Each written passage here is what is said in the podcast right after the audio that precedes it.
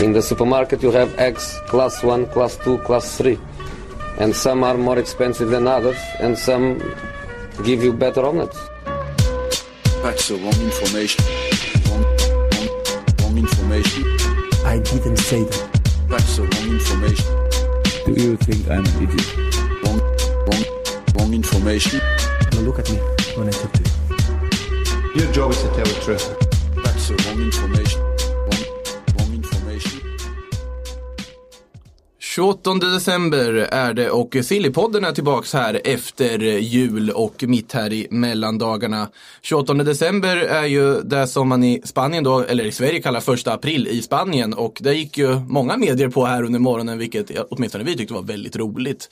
Eh, har ju roterat lite här i och med att det är semester. Babylona tillbaka i studion, välkommen tillbaks. Tackar. Hur har din jul varit? Intensiv.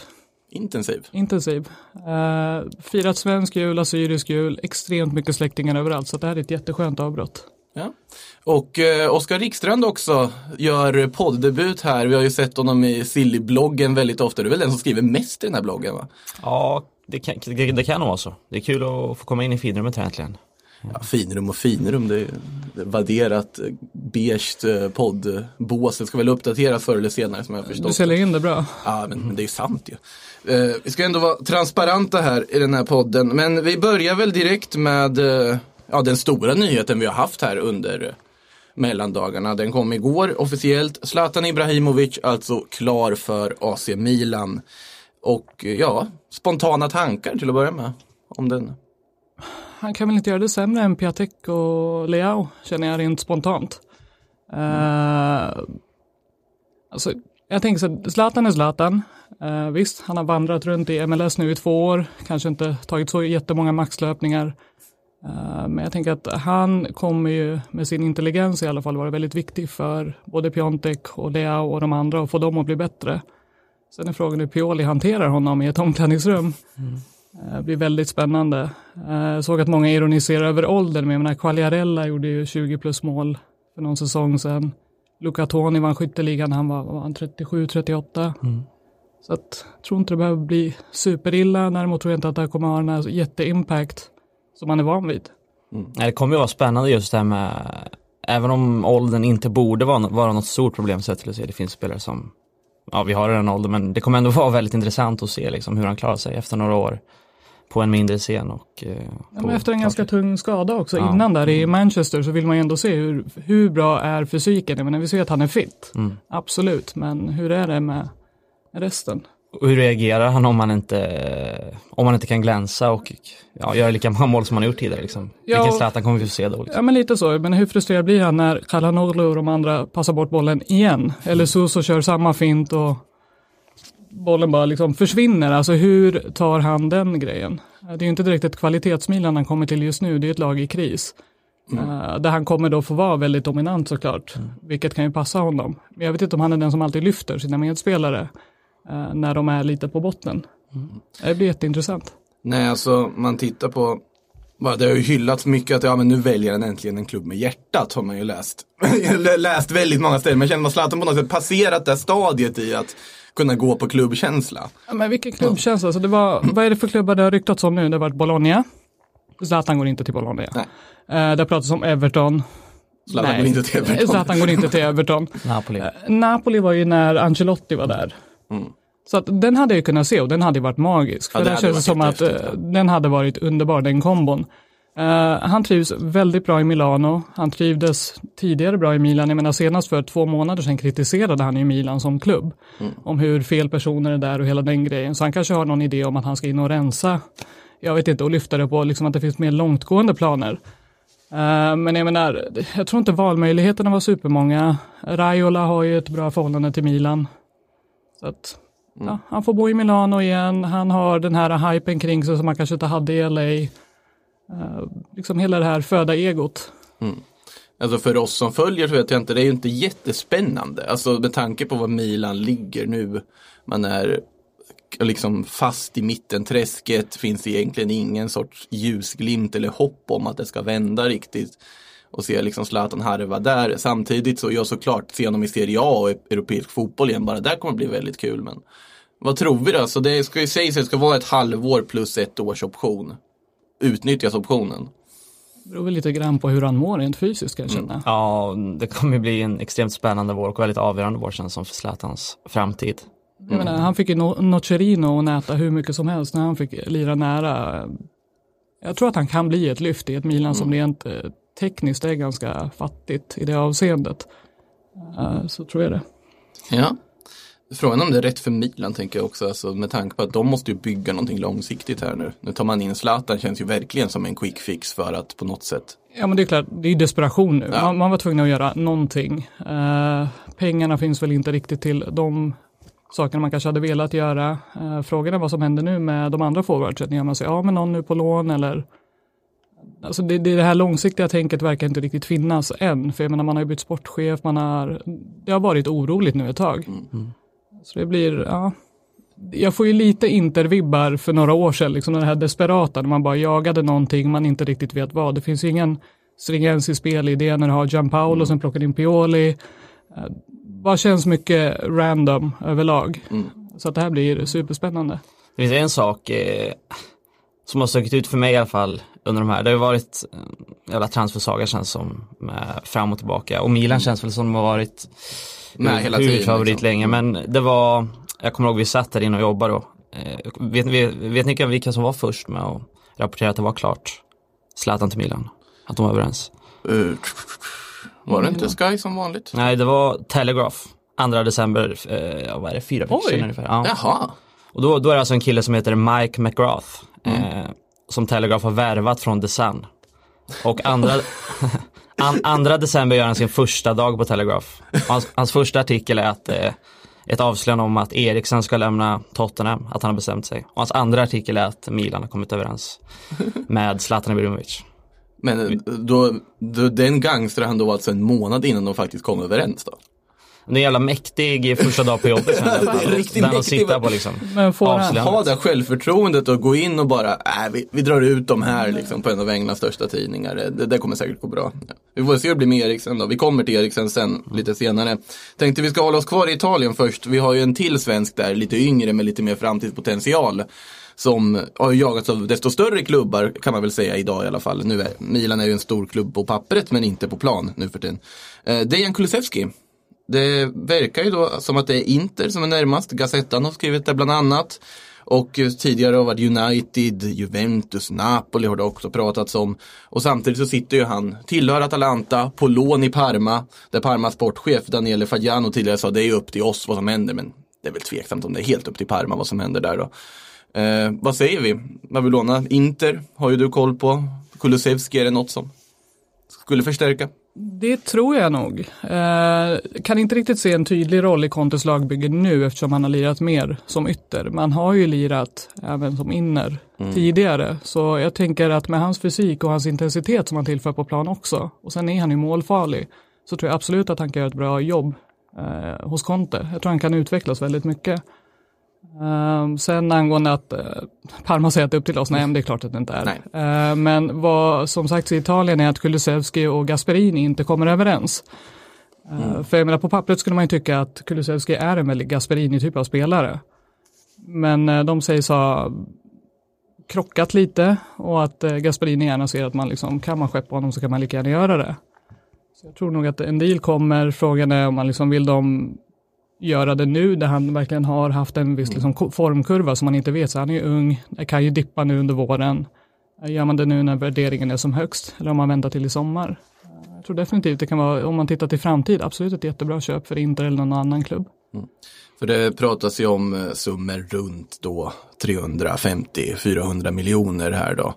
Eh, och det känns som att Atalanta i det här läget, alltså antingen om man håller honom så kan man få en ökning så att han är värd 800 miljoner. Men man kan också få en sänkning så att han liksom knappt går att låna ut. Ja. Eh, så att eh, det går ju väldigt fort i fotbollen i alla fall. Men det känns ju som, vart skulle han gå in i Inter? Är det på mittfältet då i det här tremanna mittfältet? Innanför wingbacksen eller hur? Jag tror nästan det, för jag tror inte att han kan köra, att han kan spela yttern där.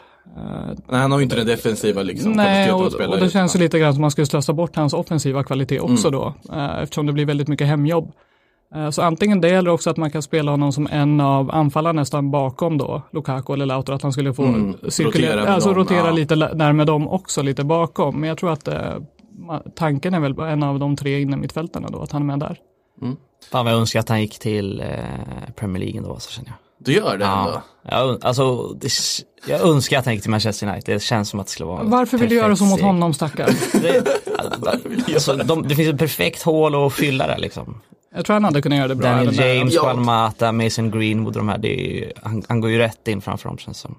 Ja, Jesse Lingard går i alla fall rätt in framför. De, de har ju inga formstarka spelare. Han kommer in som den hetaste spelaren. Liksom. Ja, Sen kommer det kommer ju inte hända men. Nej, det, att United där ska ju vara intresserade så de är ju faktiskt den Premier League-klubb som har nämnts. Men det är väl för att United också är i ett så desperat läge där man åtminstone ryktesväg tittar på allting även om Ole Gunnar Solskjaer sannolikt inte alls tittar på allting utan vet ganska klart vad han vill ha in för att förstärka det här laget. För det man får ge honom är ju ändå att han har liksom Alltså en tro och liksom en idé vad han vill göra, sen om det är rätt är en annan sak. Men Ja, kan, men kan inte känna ibland bara att så här, att United borde kanske inte göra det här men jag vill se, jag vill se det hända. jag vill se vad som händer om de gör det. Känner, det. känner man hela tiden om alla Ofta möjliga är det ju klubbar. så. Ur ett tittarperspektiv bara, jag vill se, jag vill se Ja, saker hända. Det är det enda vi gör i den här podden. Ja. Sitter och hoppas på att sjuka saker ska hända. Eh, men vidare då, vi var ju inne på Inter lite och eftersom Babylon är i studion vill jag prata lite Inter också. För det är ju en lite intressant situation, man är i en toppstrid, Conte-rekryteringen har ju slagit väl, sett i ligaspelet, men i Champions League, ett respass och Europa League som väntar nu då. Eh, vad kommer man göra här om vi bortser från Kulusevski? Finns det någonting man, du tror man kommer förstärka här i vinter? Alltså det pratas ju än en gång om Darmian som ryktas varje session. Mm. Eh, tyvärr verkar det nu Till och med när han är i Parma. Så till och med när han är i Parma. Eh, det var ju snack även innan han gick till Parma om att han någonstans parkerades där för att Mm. sen skeppas vidare. Uh, så att jag, det känns som att man aldrig blir kvitt honom, lite som Lavetzi som ryktades varje år också. Uh, så att där är ju snack om att han ska in, eller någon annan då, för att Asamoah har varit skadad mycket. Uh, det stora, alltså, man behöver göra någonting i mittfältet. Uh, Conte har ju, det är ju mirakulöst att man hänger med som man gör med tanke på att man har lirat med det ordinarie mittfältet tre matcher i år. Eh, så att jag, jag, liksom, hur länge håller det? Inte länge när du har så mycket skador och du inte har någon spelare att kasta in. Liksom. Han vänder sig om och kollar på bänken och vad har han där? Ja, det är inte mycket. Eller Borja Valero höll jag på att säga. Men det, Borja Valero för fem år sedan hade varit magisk. ja, Borja Valero var ju helt magiskt. Ja, Men och nu- han, han är ju fortfarande otroligt intelligent, men fysiskt i ett konte mittfält så blir det Nej. väldigt jobbigt för honom. Eh, Så att han, honom ska vi slänga in sista 30 bara för att hålla i boll, absolut, men det behövs ju att det kommer in någon där som är lite mer dynamisk och mer konte. Rakitic. Arturo Vidal tänkte jag säga. Ta varsin Barca mittfältare här då. Jag skulle inte säga nej till någon av dem egentligen, även om jag har eh, tveksamheter kring Vidal just på grund av att, eh, ja, jag menar man skeppar iväg Nainggolan för att han var ute och festa och kanske inte superseriös vid sidan av plan. Ska man då plocka in då Vidal så känner jag så här, alkis för alkis, behåll den ni har i så fall. Och förstärk på ett annat sätt. Eh, men ja, nej, men jag, jag förstår att Conte vill ha Vidal, för jag menar det är ju urtypen av den mittfältare som han vill ha. Han är målfarlig, han jobbar bra även defensivt, han kan Contes spelsystem, du behöver inte ha någon så här eh, inlärningsmånad eller någonting, utan han vet pre- precis vad han ska göra i det där tremanna mittfältet. Eh, Gazettan skriver ju att eh, det förhandlas om Marcos Alonso från Chelsea också. Ja, den- han fyller år, fyller år idag. Så grattis. grattis. Alonso. Grattis, Ja. Jag tror dock inte den sker, för Abramovic var ju tvungen att betala Conte, vad var det, 11 miljoner eller någonting. Han dömdes ju att betala ut den lönen. Eh, nu sägs ju att han har slängt på den på Marcos Alonsos prislapp när Inter kom och fråga. Så att han höjde ju då med en 10-11 miljoner euro bara för att det var Inter som bad om Alonso, så jag tror inte den sker. Nej, men det var pratar 40 miljoner euro eller vad det var och det känns ju otroligt överpris för en spelare som, hur, hur mycket fyller han då? Har du koll på det också? Du som Är det, är det 29 va? något ska något vi- sånt. Han är, han är i alla fall i de äldre alltså, regionerna om vi säger så, sett till Ja, fotbollsspelare. Så att eh, den, ja, jag tror inte den 29 sker. år. 29 Ja. Så att eh, det känns ju inte heller riktigt som att man vill lägga alla pengar på det. Nej, speciellt inte som man, eh, man har inte de pengarna att bara casha fram heller. Det är ju lite som klubbarna gör överlag i Italien, att man liksom delar upp betalningen och så. Och då ett Chelsea som är lite förbannade på Conte fortfarande, inte riktigt vill förhandla, jag menar 40, det finns ju inte. Och han är ju inte så bra heller. Nej, han är ju inte det. Det är ju inte de som lyfter laget på det sättet. Jag kan absolut se honom vara väldigt funktionell i Contes lag. Eh, men jag tror, nej, det är inte de pengarna, det är inte där du slänger de stora pengarna. Det finns ju vissa skelett i garderoben där också, utan att prata just Marcos Alonso, men det behöver vi inte gå in närmare på. Eh, de som undrar får väl googla fram det eller någonting.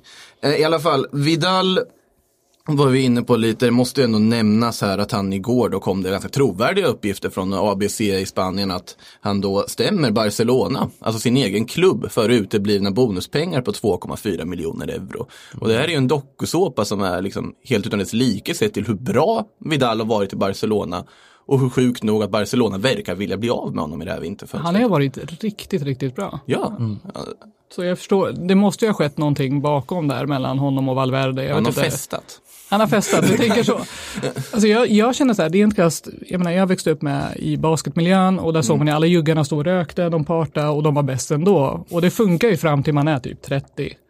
Det är ju efter där, där Vidal är, där Nangolan är, som det börjar slå lite mot fysiken, där man liksom börjar, man bör fokusera lite på annat. Så jag kan någonstans sympatisera med den här grejen, jag kan tycka det är ganska skönt att de kör sin grej. Eh, men ja, det, Om det skulle vara så att han har festat, inte fått sina bonusar och väljer att stämma Barcelona i svaret, då det står jag bakom i så fall känner jag direkt. Det, Ja, men lite så. så, så länge man presterar på plan, ge mig min bonus. ja, jag gillar den inställningen till livet i så fall. Ja. men det är ju det är väldigt dokusåpa det där. Det, Du har ju också situationen med Artur där liksom som inte heller får spela och det har ju inte att göra med att han eh, var Han liksom lite inte. oense med Messi. Han har ju också haft vissa, som jag har förstått det då, eller enligt uppgifter, och varit ute och partajat och lite sånt. För det finns ju ingen annan anledning till att man inte spelar en sån gudabenådad fotbollsspelare. Samma med Vidal också. Jättekonstigt vad som händer. Eh, Men Ernesto Valverde har ju sina idéer och de har ju ifrågasatt ganska mycket under hösten men Barcelona leder ändå. Eh, även Juventus sägs ju för övrigt vara ute efter Vidal. Ja, just det. så i att eh, även det är ju liksom att han, han verkar ju väldigt redo att röra på Mm. sig just nu. Jag menar om han faktiskt går ut och stämmer klubben. Ja, precis. Det visar ju det tydligt, jag vill bort. Skulle Mm. jag vilja säga. Så att, är, sen var han hamnar är en annan fråga. Italien känns det som en ganska bra gissning ändå, just nu. På ett eller annat sätt. Eh, bra att du sa Juventus, för det gav mig en segway här över till Erling Braut Haaland. För att Juventus är en av de klubbarna som har kopplats till Haaland. Det var vissa italienska medier som gick ut med första sidor här nyligen i vid juletider här och sa att Haaland väljer Juventus, liksom Raiola har pushat över så att det blir Juve istället för United eller Dortmund eller Leipzig eller de andra klubbarna som vi pratats om kring då den norske supertalang. Eh, vad tror vi om Erling Braut Haaland? Vi kommer nog få nämna hans namn flera gånger. Det har varit lite tyst efter de där rubrikerna. Det har mest varit brittiska tabloider som har eh, konstaterat att ja, men om United inte får Haaland så gör de det här. Men, Ja, Jag läste igår, eh, källa Daily Star, så att följande eh, resonemang, eh, det är full, kom, kommer in här och Men- refererar Daily Star-källor. Daily Star uppger att eh, Mino Raiola har varit i kontakt med Manchester United och att han har gjort det ganska tydligt att de kommer tvingas välja mellan Paul Pogba eller Erling Braut Haaland. Ah, jag såg de där uppgifterna också om att, eh, att en eventuell Haaland-värvning då i, i och med Raiola skulle innebära att man då som en gentjänst måste Släppa vara- Pogba. släppa Pogba. Pogba. Då kommer ju nästa fråga, vart skulle då Paul Pogba hamna? Juventus. Ja, känns det väl Vilket vore en toppvärvning för Juve. Utan tvekan sett i det läget om. Ja. Alltså det, det vore en riktigt, riktigt bra värvning. Men det är ju verkligen ett läge där United oavsett vad man gör med Haaland borde casha in på Pogba så länge det finns intressenter. För till exempel Real Madrid som vi också kommer in på sen har ju svalnat. För att de tittar på andra alternativ och Federico Valverde har varit så pass bra som han varit. Så behovet av en Paul Pogba finns ju inte som man trodde det fanns inför säsongen. Det känns väl som en ganska bra win-win situation i så fall. Få in Erling Braut Haaland som man uppenbarligen vill ha och eh, bli av med det här ankaret, Paul Pogba. En gång för alla. Så att man helt och hållet kan övergå till att spela en totalt kreativ och fantasilös innermittfältsfotboll. Exakt. Bara, utan, utan, att ha några, ja, men utan att ha några tvivel om det. Bara ha det rakt av. Så.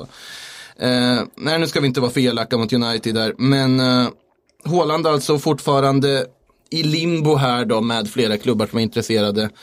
Eh, och eh, vi håller oss kvar i United för att Evening Standard har skrivit om ett av de här alternativen om det skiter sig med Haaland. Och där har vi Richarlison från Everton. Spontan, ni, ni ser lite fundersamma ut. Ja, alltså, jag ser det inte som något alternativ till Haaland på det sättet att jag inte tycker att han är någon anfallare som kan spela i Manchester United. Jag tycker inte att han är tillräckligt bra för att vara anfallare i Everton. Han har ju fått ganska många chanser som anfallare i Everton. Eh, alltså spets. Ja. Och det har inte funkat bra. Man sätter honom på en kant istället. Han känns spelar- lite ojämn. Ja, jag. och eh, han missar mycket, han fejdar bort ur matcherna. Han känns inte alltid så närvarande. Jag tycker han är bra som en ytter. Eh, Mm. Och jag tror han skulle kunna vara en väldigt bra yttermittfältare i Manchester United, men jag ser det inte som något alternativ till Haaland i fram. Babylona, håller du med? Ja, det gör jag faktiskt. Håland hade känts som ett vettigare alternativ om man vill Mm. bygga för framtid och hela den grejen. Även om det är riskfyllt känner jag att ta in ytterligare en ung spelare som skulle kunna få det väldigt svårt. Mm. Eh, I United, jag menar det, det saknas ju någonstans de här erfarna spelarna också i det här lagmixen. Eh, men ja, jag håller med där. Eh, som ytter, absolut. Som forward, nja. Eh, sen har det ju, om vi faktiskt så, nu tar vi Daily Star igen, även om vi inte ska tro på dem. Men enligt dem så Tyrone Mings, James Madison och Jadon Sancho ska ligga på Solskjaers inköpslista. Och det kan vi konstatera att den här tidningen då tänkte, ja men vilka bra engelska spelare har vi på varje position som har någorlunda ålder. Vi tar de tre och så placerar vi in dem. Det, det måste vara Solskjaers transferfilosofi. Tyrone Mings skulle vara kul på något sätt, bara se vad som Att det hade varit också. jättekonstigt. Se vad som Det händer. hade varit jättekonstigt att göra nu när du ändå har plockat Maguire. Det är inte mittbackspositionen de förstärka. Alltså Maguire och Lindelöf kan funka. Ge dem bara tid att spela ihop sig. Det är ju andra positioner som är akuta att förstärka tycker jag snarare. Men eh, återstår att se i alla fall. Ska se här då, vidare. Det har ju bytt lite tränare i alla fall i Premier League nyligen. Arteta då till Arsenal och Carlo Ancelotti till Everton. Vad tror ni det kommer innebära för de här klubbarna? Nu när, för det ska ju, båda lagen har ju krisat ganska rejält. Och nu måste det ju liksom börja värvas. Eller någonting måste göras i alla fall, det måste vända. Hur mycket kommer vi få se hända här under januari? Alltså jag är fortfarande lite shell-shocked över att Ancelotti går till Everton. Så jag, jag, jag, jag vill bara liksom inte, det här är ju inte mannen som bygger ett lag Nej, nej, nej, från han- grunden. Han är ju ingen taktiker på det sättet. Han Att det- kan inte taktik. Ja, nästan. Ja, men alltså, I jämförelse med vissa av de Ja, andra, så precis. det är inte hans styrka. Hans styrka är att få det här, liksom, få storstjärnorna att må bra, han skapar en bra trupp och sen har han ett visst spelsystem som han kör och sen liksom löser de det framåt. Mm. Jag, jag, jag är jättenyfiken på hur det kommer gå i Everton och jag kan inte alls vad, vad är det han ska plocka in? Alltså det, det han plockade in till Napoli funkade ju inte nu. Eh, De spelare, liksom Lozano, de har ju verkligen underpresterat.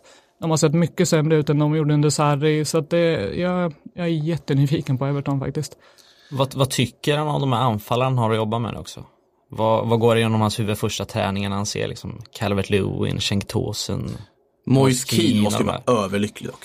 Ja, han måste ju vara han glad. måste ju vara överlycklig Ja. över att det vände med tanke på hur långt ner i botten han var när Ancelotti kom in och nu kommer han ju få visst förtroende antagligen. Mm. Kommer det funka? Jag vet inte. Men borde han inte, plocka, borde, de- borde han inte försöka plocka in en anfallare? Jag vet inte. Alltså sen anfallsposition tycker jag att ändå, jag, jag tycker väl ändå Richarlison är helt okej och att i alla fall för ett lag som Everton i det här läget. Det är svårt att veta också vilken attraktionskraft har Everton till att börja med. Och Ancelotti är ju heller, precis som jag säger, ingen liksom lagbyggare. Han, han förädlar och ser till att saker som redan är fina förhåller sig fina. Han är inte den som liksom ser till att fixa dem så att de blir bättre på så sätt. Nej, Och lite grann känns som att han har passerat scenen. Att han är ju lite grann på nedgång Ja. i det. För annars skulle jag inte heller varit i just Everton nu. Precis. Ja, Det är jättespännande men jag kan inte alls förutse liksom, vad är det han vill ha in. Ingen aning.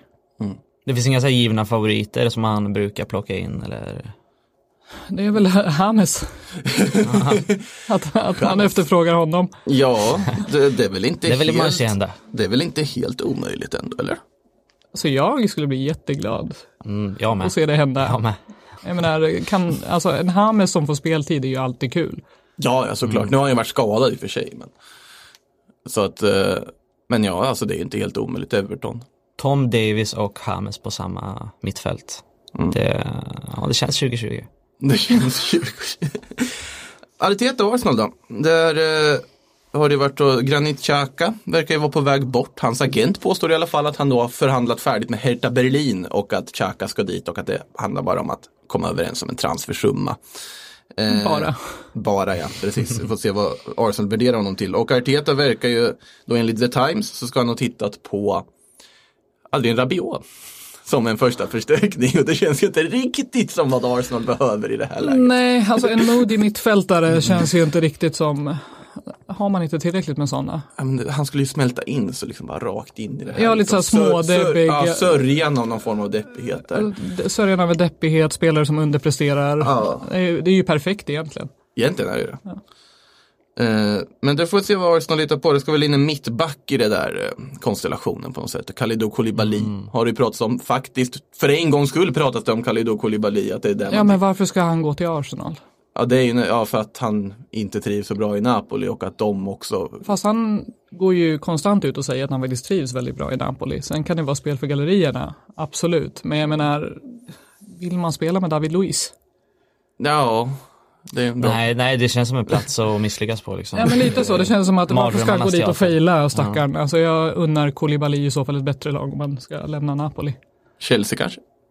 Det vore intressant. Det vore verkligen intressant. Eh, något annat som är intressant är ju Manchester Citys situation tycker jag faktiskt. För eh, de eh, ledde ju mot Wolverhampton nu senast, en man mindre men lyckades ändå tappa det till slut. Man är, eh, hur många poäng Fina är det? Traoré alltså. Ja. Hur många poäng är det nu bakom Liverpool? Jag, Det är hur många som helst. jag, jag, jag har tappat det, räkning. nej, ja, men det går inte, det går knappt räkna. Nej, men det, det, de är 14 poäng bakom va? Eller om det är pass? 12 med en match mindre Ja, det är ju åtminstone något sånt. Så att det är, de är ju helt out of the title contention här. De ska möta Real Madrid i Champions League åttondelsfinal. Real Madrid som ändå ser ut att gå åt rätt håll spelmässigt efter bedrövliga inledningen på säsongen. Eh, så ja, vart, vad gör City i det här läget? För vi har pratat tidigare om Guardiola också. Man får se hur lång hans livslängd blir i City. Om det här är hans sista säsong eller om han faktiskt fortsätter och ska bygga upp det här igen. Vad tror vi vi kan vänta oss av dem i det här fönstret? Tyvärr så tror jag att vi kan vänta oss eh, ingenting, inga värvningar. Det var där Pep, eh, han var ganska tydlig efter förlusten mot Wolverhampton igår, då fick Mm. han frågan igen. Eh, vilket är naturligt eftersom det går ganska trögt. Eh, vad ska ni göra? Ska ni värva någonting? Nej, vi ska inte värva någonting, sa han. Och det känns väl ändå lite ganska naturligt för att det är ju, de har en bred trupp, de har de har ju fantastiskt många bra spelare och de får tillbaka här snart också. Laporte kommer tillbaka i vinter. Sané, Mm. jag vet inte. Det var väl sagt februari men det känns väl som att han kan komma tillbaka lite tidigare. Mm. Eh, vad, ska de köpa liksom? Vem, vem ska de köpa? Ja men det är lite så, vem, vem ska in nu? Ja, Vem, vem ska in och faktiskt förstärka? Ja, det är en väldigt bra fråga faktiskt. Det, de, någonting måste, de behöver en mittback. Ja det behöver det de ju. mm. Och då det- återigen Koulibaly kan vi kasta in där då. Du, du kastar in Jag honom överallt. Koulibaly överallt här nu men det känns ju som att det är den logiska mittbacken som på något sätt skulle kunna vara tillgänglig att värva. efter att ha sett gårdagens match så känns det som att de behöver en vänsterback också. Alltså, men det. Men är Han har inte hittat rätt än. men är inte det Angelino då?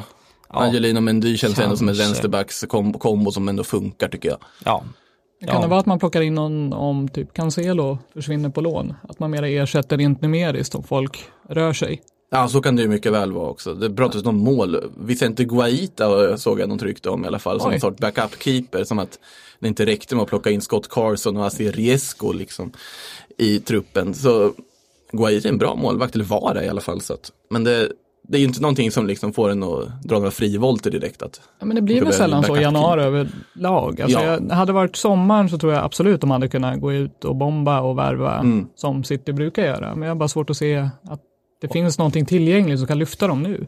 och hade det skilt fem poäng till Liverpool då kanske man, det hade funnits någon poäng i att att eh, ja, sätta ner foten lite Mm. liksom. Vi ska fan komma ikapp. Men nu är det ju, alltså ligan är körd. Säger, Ja. Det säger Pep själv i alla fall. ja men den, den är ju körd. Ja. Den känns ju väldigt körd. För jag menar, Ja. Liverpool ser inte så, ut att vara nära en formdipp heller. Alltså det, Mm. Jag tänkte förra matchen att kanske nu efter att de har varit iväg och spelat att det, nu kommer den, men nej. Och nu jinxar vi ordentligt här för psyk. och för Rikström, vi ska vara transparenta här också ändå. Ja, snart kommer Minamino in också. Minamino ja. Ah. Mycket, mycket frågor man har fått om Minamino, liksom. Vad hypad han har blivit från ingenstans. Ja, han är kung. Eh, ett annat lag som är out of the title contention i Premier League det är ju Tottenham men de håller ändå på med lite allt möjligt nu med José Mourinho som tagit över tyglarna där. Christian Eriksen var vi väldigt kort inne på förut och eh, han har ju en kontraktssituation där han antingen måste skriva på ett nytt eller måste lämna för en annan klubb. Och då om man ska tro Eldes Marque, spanjorerna som har varit verkligen igång här under gårdagen, så ska de ju ha erbjudit pengar plus Christian Eriksen för Gareth Bale. Och eh, det känns väl som en, alltså en win för Tottenham i det här läget ändå, eller? Är det. Jag tror ändå det. Bale skulle ju utan tvekan förstärka det laget eller? Utifrån principen som vi pratade om innan, vad vill man se hända? Det är, det, man vill ju se det hända. Och, Nu förstår jag varför du vill se de här sakerna ja, hända. för, bara för att se vad som händer. Men jag är väl lite inne på ditt spår, Makoto. Jag tror ändå att det skulle vara bra för Tottenham att få in Gareth Bale. Eh, delvis sett till att eh, han skulle vara den största stjärnan i laget direkt. Och att det är tunt framåt helt enkelt. Alltså med, nu, nu när Son har fått, eh, han är avstängd efter det röda kortet så känner man direkt att fan, det, det, det är tunt framåt helt enkelt. Alltså de, det finns ju duktiga spelare men det finns ju inte så mycket bredd. En Bale är ju en typ av spelare de inte riktigt har i det här laget. Någon liksom Ja, det är sant. kraftfull ytter med liksom speeden. Han är ju en spelare som fortfarande kan leverera. Det har man sett i Real där han har spelat totalt utan motivation men ändå varit helt okej i de inhopp han har gjort och så vidare här nu efter hela den här Wales Golf Madrid incidenten då. Eh, samtidigt tänker jag åt andra hållet att Eriksen till Real, det ryktet verkar inte riktigt vilja dö. Samtidigt som jag har fortfarande så otroligt svårt att se det hända. Att om man säger nej till Pogba och du går på andra spår, då tror jag inte att man kommer att plocka in en Eriksen. Inte i läget att vara Martin Ödegård, som inte ska till Manchester City, utan är på lån i Real Sociedad. Som antagligen kommer tillbaka i sommaren.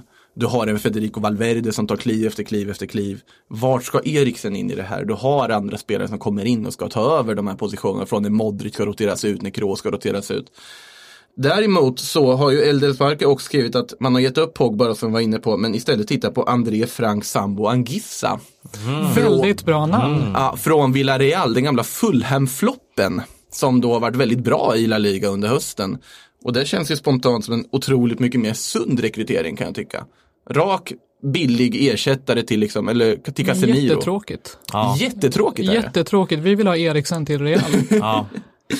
Vi vill ha den här stora Det- det är för- det är för sunt och liksom- Mer rörelse, jag vill ha mer, mer Mourinho också. Alltså, det är en antiklimaktisk start än så länge alltså.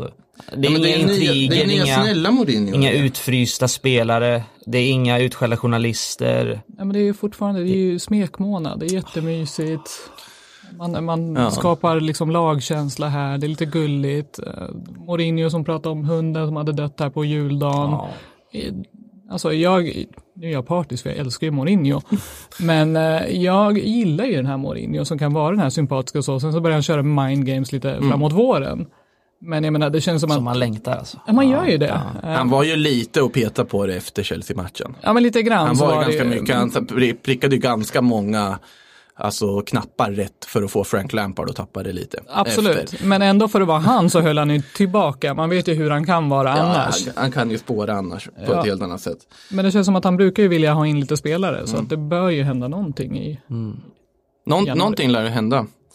Eh, någonting som verkar har hänt eller ska hända är Edison Cavani.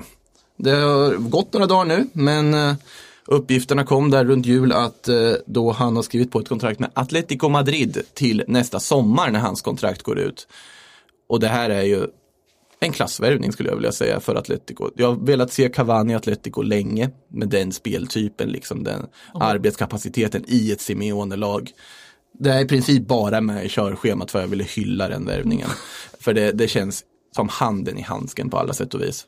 Och det känns väl också som en av de allra bästa spelarna i världen som Atletico Madrid kan faktiskt värva. Ja, fast Atletico har en annan status idag än vad de hade för några år sedan. Så jag tror ändå Men sett till hur bra han är, alltså, han hålls väl fortfarande som en av de absolut bästa anfallarna och målskyttarna i världen. Ja, fast han har väl kommit lite neråt liksom i hierarkin nu. Där Icardi har väl tagit lite mer platser borta i Paris. Det har inte varit samma typ av liksom stjärnstatus på Cavani. Det var en tidsfråga innan han skulle flytta. Sen är man glad att han fortfarande kommer att spela i en toppklubb. För det fanns väl ändå, åtminstone spontant utan att det var några rykten om det, att det hade inte varit omöjligt om han gjort en Mandzukic. I Ja. den åldern. Ja fast eh, Cavani är för bra för att göra en Mandzukic och jag tänker rent fysiskt så håller han ju Mm. bättre än Mandzukic har gjort. Även om jag kan tycka det är trist att han hamnar så där trist. han gör nu. Det är så trist. Jag hade velat se honom i alla fall en säsong i Premier League faktiskt. Jag får sluta sitta och hoppas att han ska till United som jag gjorde, har gjort under hela sommaren. Men är, det är över nu. det är, nu är det över. Amando Kijay Al Duail i Qatar för de som inte känner till det. Fint ser ut. Eh, på tal om eh, spelare som lämnar Europa för eh, pengar och så vidare. Hulk. Han har faktiskt ryktats tillbaka till Europa nu. till eh, ett totalt krisande Espanyol som precis gjorde klart med sin tredje tränare för säsongen i form av Abelardo, vilket jag måste säga är en superrekrytering. Känns helt vettigt att ta in honom i det här läget. Eh, Förvånande en före detta Barcelona-profil tar Espanyol, men det är en annan sak. Eh, men i och med det här Hulk-ryktet så tänker jag att det är intressanta saker som händer i Kina samtidigt. För där har man infört ett lönetak i den kinesiska ligan nu. Där, eh, vi kan citera Chen Shushuan, ordförande i det kinesiska fotbollsförbundet, säger han, våra klubbar spenderar för mycket pengar och vår proffsfotboll har inte skötts på ett hållbart sätt. Och nu inför man alltså ett lönetak. Och där kommer i sin tur innebära att vi kan få se vissa Kina-proffs flytta hem till Europa och så vidare när inte de får alla pengar de vill ha. Typ för Yannick Ferreira Carrasco, Oscar, Miranda, Fellaini. Det finns ju mycket spelare där borta. Vad tror vi? Finns det någon spelare där borta i Kina som ni tänker, ja men han skulle jag vilja se tillbaka, förutom Hulk då? Carrasco skulle jag, han var ju alldeles för ung när han gick till Kina. Mm. Så han vore ju väldigt intressant att se tillbaka. Men vad, vad ligger lönetaket på nu? Jag vet ju inte exakta siffror, men på något sätt kommer det väl ändå påverka. Samtidigt så har de ju i och med det här också dock gjort om reglerna. Förr fick du ju bara ha ett visst antal utländska spelare och nu får du ha en till. Fast du kan inte betala dem de här hutlösa summorna Nej, som gör att de precis. vill åka till Kina. Så Men det ska, också finna, det ska också finnas ett kryphål. Jag är inte helt säker, Ja. men det ska, man ska kunna kompensera med bonusar istället. De räknas inte in i lönetaket. Okej, för jag tänker så här, Ah, det är ju vettigt att göra det här med tanke på att en spelare som Graziano Pelle tjänar alltså, sjuka summor för att spela fotboll i Kina. för att vara Graziano Pelle. Ja men, ja men lite så, liksom. det är ju det är ju inte Hulk som Nej. ändå gjort avtryck i Europa. Mm. Eh, så att eh, jag kan absolut förstå att de gör det. Men uh, ja, det vore väl kul om vissa spelare kom tillbaka. Fellaini. Det är mitt svar på frågan i alla fall. Nej. Ja, fotboll, det vill- fotbollsvärlden är en mörkare plats utan honom. Jag håller helt med dig. Det blir ganska minfattigt. Ja. Det blir det ju. Jag håller helt med dig på den alltså. Om han, nu har han och för sig gjort sig av med det här stora håret va? Ja men då kan han stanna kvar i Kina. Ja men lite så annars skulle Ja, han då, Annars förändrar skulle, skulle han ha gått in i Arsenal tillsammans med Luis och Guendo Sida. Det hade varit lite kul att se. Eh, ska vi gå vidare till lite läsarfrågor kanske? Kan ju vara trevligt. Vi ska se vad vi har. Eh, här frågar Johan Lindström, vem blir din nästa man? Du kan rekommendera klubbar att värva nu när han tyvärr lämnat Europa. Och ja, det blir väl, Koulibaly har jag nämnt tio gånger i det här avsnittet så vi säger väl där då. Eh, och så är det Daniel Young här frågar om just Koulibaly, Arsenal har vi varit inne på tidigare, City, ska vi se alla frågor, saker vi redan pratat om. Egon Ljung har något som vi inte pratat om. Vad gör Chelsea tror ni? Kommer Sancho? Nej, inte i januari säger jag, men möjligtvis under sommaren. Ja, jag måste nog hålla med där. Jag har svårt att se att Sancho rör på sig i januari. mm, jag håller med, men någonting måste de göra. Alltså något kommer de att göra. Det prat, finns ju en Nathan Ake det har pratats om, bland annat, som jag tror ändå sett i de pengar det har pratats om skulle vara en ganska vettig förstärkning. Wilfried av Zaha mitt- vill ju inte spela i Crystal Palace. Nej, han vill Det vill han inte. Det ville han inte, nej. Det har han inte velat på väldigt länge. Och eh, där har vi också en annan förstärkning som jag tror skulle kunna vara vettig för Chelsea beroende på vad de kan betala. Och jag tror att Zaha Ake då är väl inte helt omöjligt att tänka sig att man skulle ta in ett vinterfönster. Kosta vad det kostar vill det på att säga. Giroud ry- ryktas ju bort. Ja, till, till Rangers är han så dålig. Nej, men, skotska ligan, alltså det, Ja. det känns ju ändå. Jag, jag tycker att Oliver Giroud, att han är ordinarie i ett franskt landslag tycker jag är en skymf mot uh, stjärnor som Karim Benzema, Lacazette och så vidare. Nu vet jag att Benzema har andra anledningar till att han inte spelar. Men ändå på något sätt att Giroud är inte så pass bra. Och nu har han blivit petad av Tammy Abraham som i och för sig varit fantastisk. Men Rangers, någon måtta får det vara. Liksom. Conte sägs ju också vara sugen på Giroud. Som en backup till uh, Lukaku. Och det är inte helt dumt. Nej, för han, där har du ju den spelaren då som, Mm. man tänkte ju plocka in Dzeko i somras, det blev inte av. Det här, Giroud är en sämre version av Dzeko i det sättet att felvänd, tar emot bollen, fördelar den bra, liksom vettiga fötter, men gör ju alldeles för lite mål. Eh, men jag tror att han är, alltså makes sense om du tittar på det ur ett, eh, ja, Nej. förmodligen behöver du inte betala så mycket, bra backup, kommer inte gnälla över att sitta bänken. Mm. Eh, men där, han-.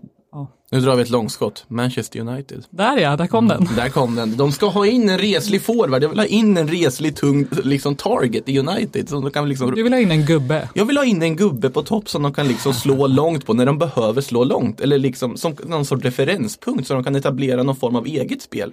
Istället för att bara snabbt kontra och i princip bara kunna spela mot lag som har mer boll än vad de har. Han var inte överlycklig i Giroud när nyheten om lönetaket i Kina kom, det tror jag inte. Nej, det måste ha varit. det, det är inte helt kanske kan få jättebra bonusar. Ja, jo, det, Vi håller oss vidare kvar i Premier League här. Revenant frågar, kan Adama Traoré gå till en storklubb snart eller är han en bumling som bara kan vara bra i mittenklubbar? Bumling är ett bra ord. Ja, det var faktiskt ett väldigt bra Ja. ord. Jag hade ju velat se honom i en större klubb. Jag, jag tänker så här, han, han gör ju vissa grejer som bara är magiska. Mm. Och hade de gjorts av en spelare i en större klubb så hade han gått viral konstant. Eh, så att han är ju superintressant. Så Mm. att, men vilken av storklubbarna? Barcelona, spåret är väl dött. Han var fostrad där en gång i tiden och sen efter det så har han lagt på sig extremt mycket muskler måste man ändå säga. Ja, han Från- är, han är bitig. Ja, det är nästan läskigt att se faktiskt hur mycket han har lagt på sig efter det. Och blivit en helt annan typ av spelare också. Skulle ju vara kul att se honom i någon annan klubb. Tänker mig vilket lag skulle behöva en liksom biffig wingback. Det är väl det man tänker då. Svårt. Svårt, Men eh, ja, vi gillar Adama Traoré. det gör vi. I alla fall efter igår. Eh, vi håller oss kvar vid Wolves. Boda här skriver Huang till Wolves? Frågetecken. Och med Huang så gissar jag på att han syftar på då sydkoreanen i Red Bull Salzburg. Minamino har ju gått till Liverpool. Erling Braut Haaland kommer ju gå någonstans. Och så har vi Huang också. Då är det den där trion där framme. Som då allihopa kanske på något sätt lämnar. Och det känns det som en jättefin värvning för ett Wolves i det här läget. Absolut. Eh, vi ska se vidare här. Här ska vi se, här för- svarar någon som har bara en sån här, snabel som namn. Men Getafe har gjort två bra säsonger i rad nu utan att tappa massa spelare till större klubbar och ändå ser jag knappt några rykten. Är ingen intresserad och i så fall varför? Eller har jag bara missat alla rykten? Och då kan vi lugnt konstatera att det är för att Getafe helt enkelt inte har några spelare som skulle vara intressanta för några andra klubbar även om det går bra. Alltså om man tittar på Jaime Mata, man tittar på Angel som gör massa mål nu, Molina och så vidare. De här har kommit i åren på ett sätt som, alltså, det, det är ingen som skulle vilja värva dem. De har plockats in i Getafe från någon sorts fyndhylla på gratis, liksom fri transfer. Och den enda som skulle vara intressant är väl Gené, som det pratades lite om nu förra sommaren. Kanske pratas om fortfarande till viss del, men och det enda det liksom konstatera, går att konstatera, att de överpresterar på en nivå som är liksom helt bizarr. Och att José Bordalas gärning säger väl, det säger väl allt om den hans gärning egentligen. Att det är spelare som ingen vill ha som man gör de här, det här med. Håller borta säger du alltså till klubbarna. Alltså jag tror ingen skulle punga ut massa pengar för en typ 37-årig före detta idrottslärare i form av Jorge Molina i det här läget. Han kommer nog vara kvar i Getafe tills han eh, lägger av om vi säger så. Det är skön antihjälte-aura på, på den. Ja, alltså, och sen är ju Getafe också ett lag fyllt av riktiga rötägg. Alltså, de, de spelar ju så fult också. Värvningarna de gjorde nu i somras med Marco Correa kom in till exempel. Det, det är ju i och för sig en bra fotbollsspelare och det var en bra värvning typ de inte hade. Men typ Nyom och Fire och sådana som de plockade in, de passar ju perfekt i den här liksom råa, lägger inga fingrar emellan Getafe-stuket som tagit dem någonstans. Och det är någonstans det man gillar. Det blir lite det här sydamerikanska där man smäller på lite extra Ja, ja, i precis. varje närkamp. Ja, det är därför man älskar Getafe ändå. Eh, nu ska vi se. Thomas Nygren ställer en fråga som vi kan avsluta detta avsnitt med. Vilken spelare som gjort succé i höst bör klubbarna i Europa akta sig för, för att värva? Hmm. Vi får fundera lite här. Det finns ju så många. Som har gjort Adama Traoré? Nej, men eh, Har du någon på rak arm eller? Nej, inte just nu vad jag kommer på. Jag tänker ju Jag känner snarare att många som har gjort succé under hösten är sådana som man faktiskt kanske skulle värva. Typ en Soyuncu i Leicester, tänker jag till exempel ja. på direkt. En riktigt bra mittback liksom och det känns ju ändå som något som man skulle kunna rekrytera och jag skulle inte säga varningsflagg på honom. Eh, John Lundström. Alla våra... Man ska akta sig för att ta in John Landström i sitt fantasy-elva i alla fall tror jag, för jag tror inte man kan få mer utdelning än man redan fått på honom. Så det, Han kanske man ska akta sig för ändå. Han passar nog ganska perfekt i där Sheffield United känns som va? Ja, det känns som det. Jag tror inte att han är så bra egentligen, utan det är bara att, att spelet fick för sig att sätta honom som mittback fast han är en mittfältare som liksom kan slå passningar. Han har blivit, det är helt otroligt hur känd han har blivit på grund av just Fantasy Premier League, John Landström. Blivit en sorts meme nästan. Eh, otroligt kul att se. Jag tycker vi avslutar på John Landström, ändå. Ja, det tycker jag också. Och eh, tack för att ni ville vara med oss idag. Vi, Sillypodden, kommer tillbaka 2020, nästa år faktiskt. Så gott nytt år och ha det bra till dess. I think I worked for 16 years here in England, and I deserve a bit more credit than wrong information.